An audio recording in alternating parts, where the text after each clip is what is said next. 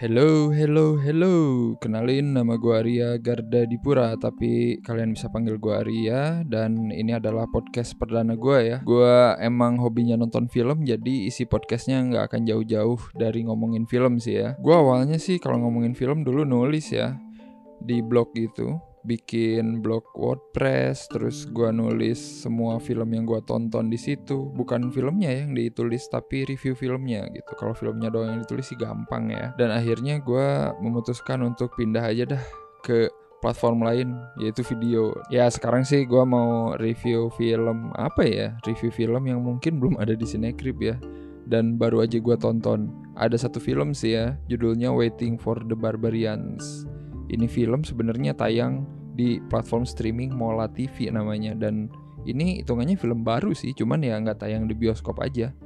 Dan kalau ngelihat dari aktor-aktornya ini harusnya orang pada tertarik nonton ini ya, karena di sini tuh ada Johnny Depp, terus ada Robert Pattinson yang belakangan ini lagi hype banget ya karena dia jadi Bruce Wayne di film Batman yang baru. Terus ada Mark Rylance juga di sini buat yang pernah nonton Dunkirk kali ya kalian bakal kenal Mark Rylance. Dan terakhir, film ini disutradarain oleh Ciro Guerra. Ini gua nggak tahu sih jujur. Gua baru ngedenger nama dia dan ternyata emang ini film berbahasa Inggris pertamanya dia. Menarik sih.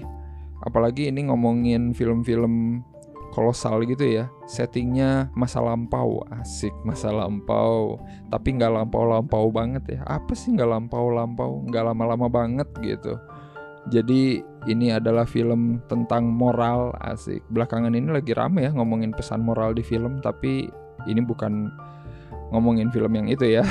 Jadi Waiting for the Barbarian ini nyeritain seorang hakim yang diperanin oleh Mark Rylance. Dia itu tinggal di kota perbatasan gitu ya, perbatasan dari suatu kerajaan kolonial yang berlokasi di wilayah Asia yang tak bernama.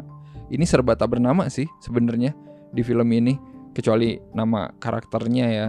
Jadi di sini tuh kayak ada kota perbatasan yang entah di Asia sebelah mana gitu dan milik kolonial apa gitu, kerajaan apa gitu nggak pernah disebut. Tapi ya dengan tebakan sotoy gua mungkin itu adalah kerajaan Inggris ya.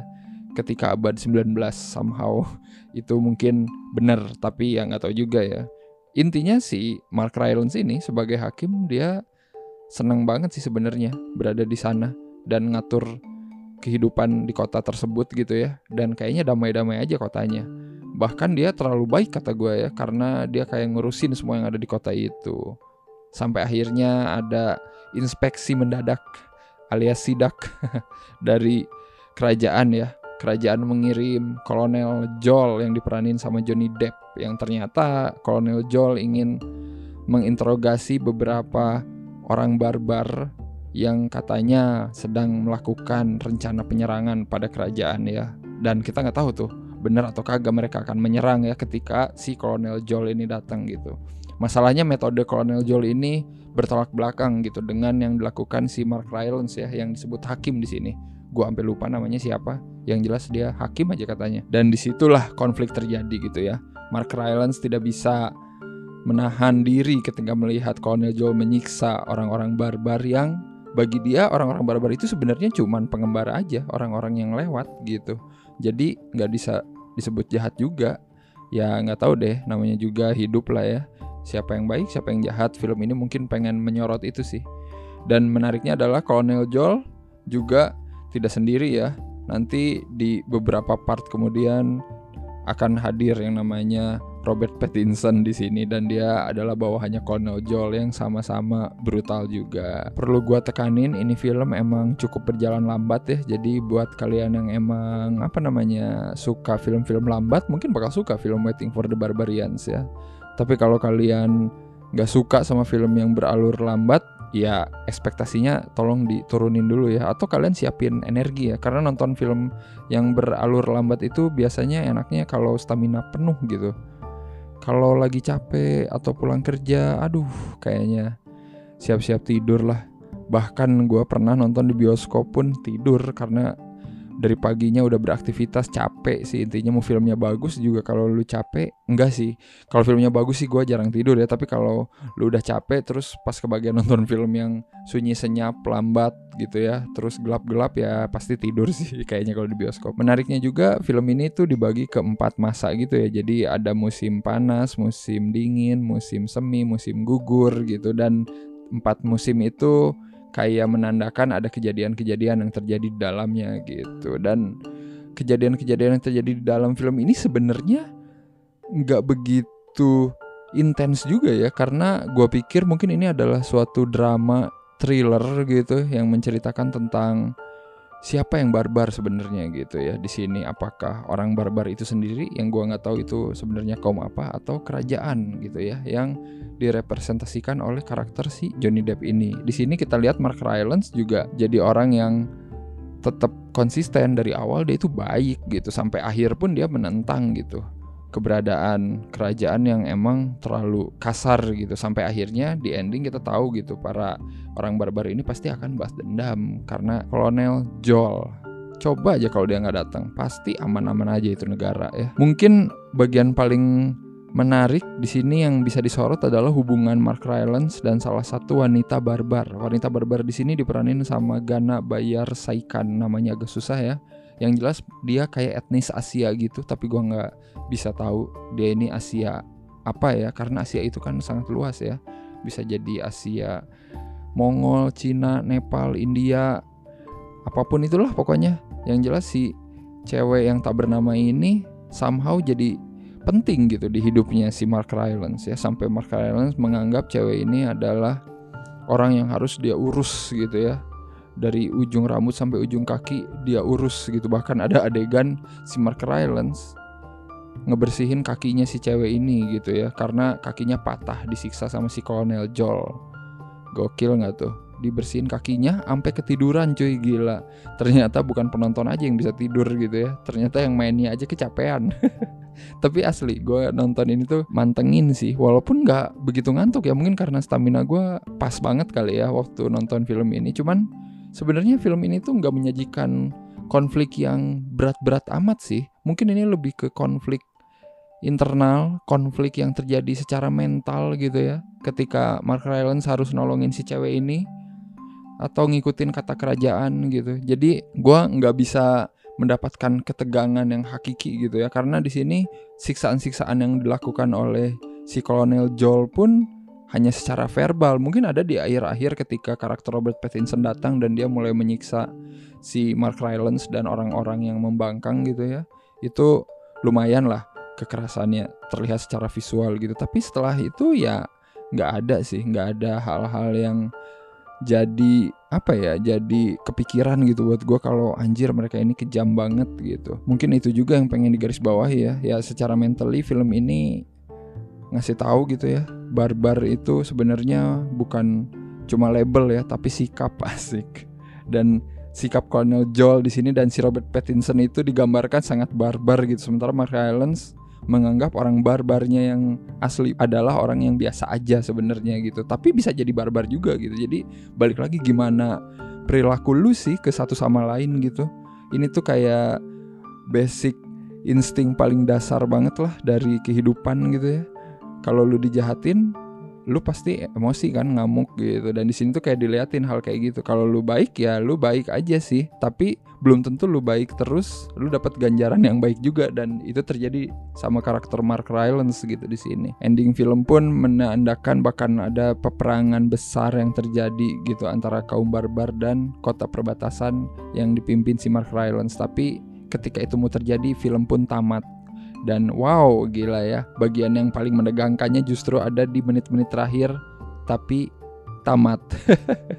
Mungkin ini yang bikin film ini kayak well udah beralur lambat cukup lama ya hampir dua jam filmnya gitu ya. Dan menanti ada konflik apa yang akan terjadi gitu ya. Dan konflik yang benar-benar besarnya ada di menit-menit terakhir tapi cut to black. Jadi ya lu nggak bisa berharap apa-apa sih kalau menonton film ini. Lu nikmatin aja acting aktor-aktornya yang emang kata gue oke okay, gitu. Dan Mark Rylance di sini gitu sebagai seorang hakim yang baik hati bijaksana sampai akhirnya menderita tergambarkan sekali dengan jelas gitu.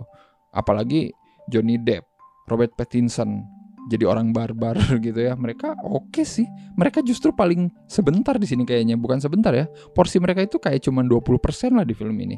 80% itu mungkin si Mark Rylance sama si cewek ini Gana Bayar Saikan ini gitu ya. Dan masalahnya juga film ini tuh settingnya di situ-situ aja sih. Jadi mungkin kalian akan bosen gitu kalau ngelihat environment yang itu-itu aja. Cuman ya bagusnya adalah ya artistiknya balik lagi gitu ya. Kalau film-film luar entah kenapa gue selalu percaya gitu ya artistiknya itu sangat-sangat oke okay gitu. Dari settingnya kota perbatasan gurun gersang panas gitu itu tuh semua sangat tergambarkan secara gamblang. Dan gue merasa emang percaya dulu ada kota perbatasan seperti itu di sana gitu. Ini mungkin sebagai gambaran aja ya film ini bisa jadi tontonan alternatif kalau kalian pecinta sinema-sinema alur lambat asik. Bukan berarti sinema alur lambat itu jelek ya, bukan berarti yang alurnya cepat juga bagus ya. Cuman ada alur lambat yang emang kurang greget gitu dan Waiting for the Barbarian kayaknya salah satu film tersebut gitu.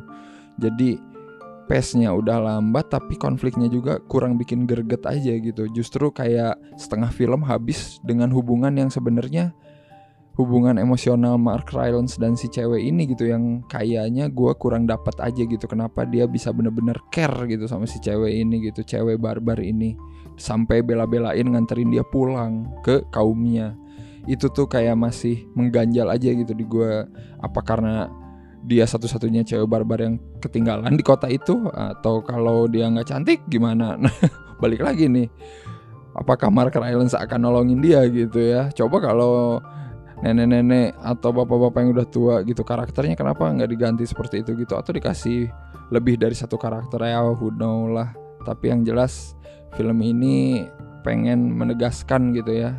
Sekali lagi kalau barbar itu bukan label ya tapi itu sikap ya. Lu bisa jadi orang barbar dan kita semua juga bisa jadi orang barbar tergantung sikap kita. Gitu sih. Menarik sih nonton film yang untungnya nggak bikin gua tidur ya tapi ya gue nggak expect banyak sih. Dan kalau kalian penasaran juga sama film Waiting for the Barbarian gak usah expect too much juga sih.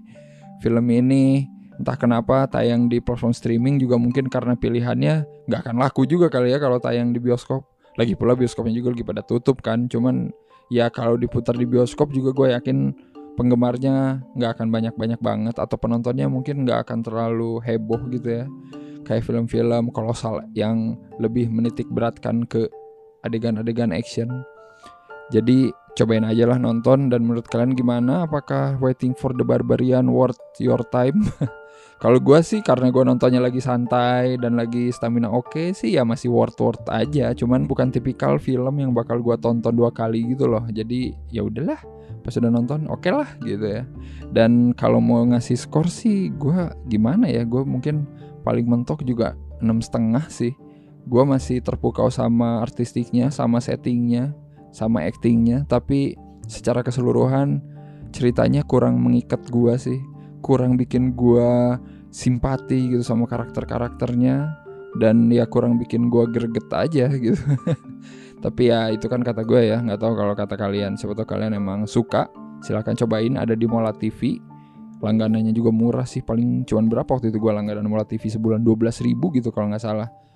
Lumayan lah ya sekarang banyak film-film yang udah bisa diakses gitu ya di platform yang udah legal gitu dan harganya lumayan bersaing sih. Bosan kan daripada lu nyari Netflix mulu gitu.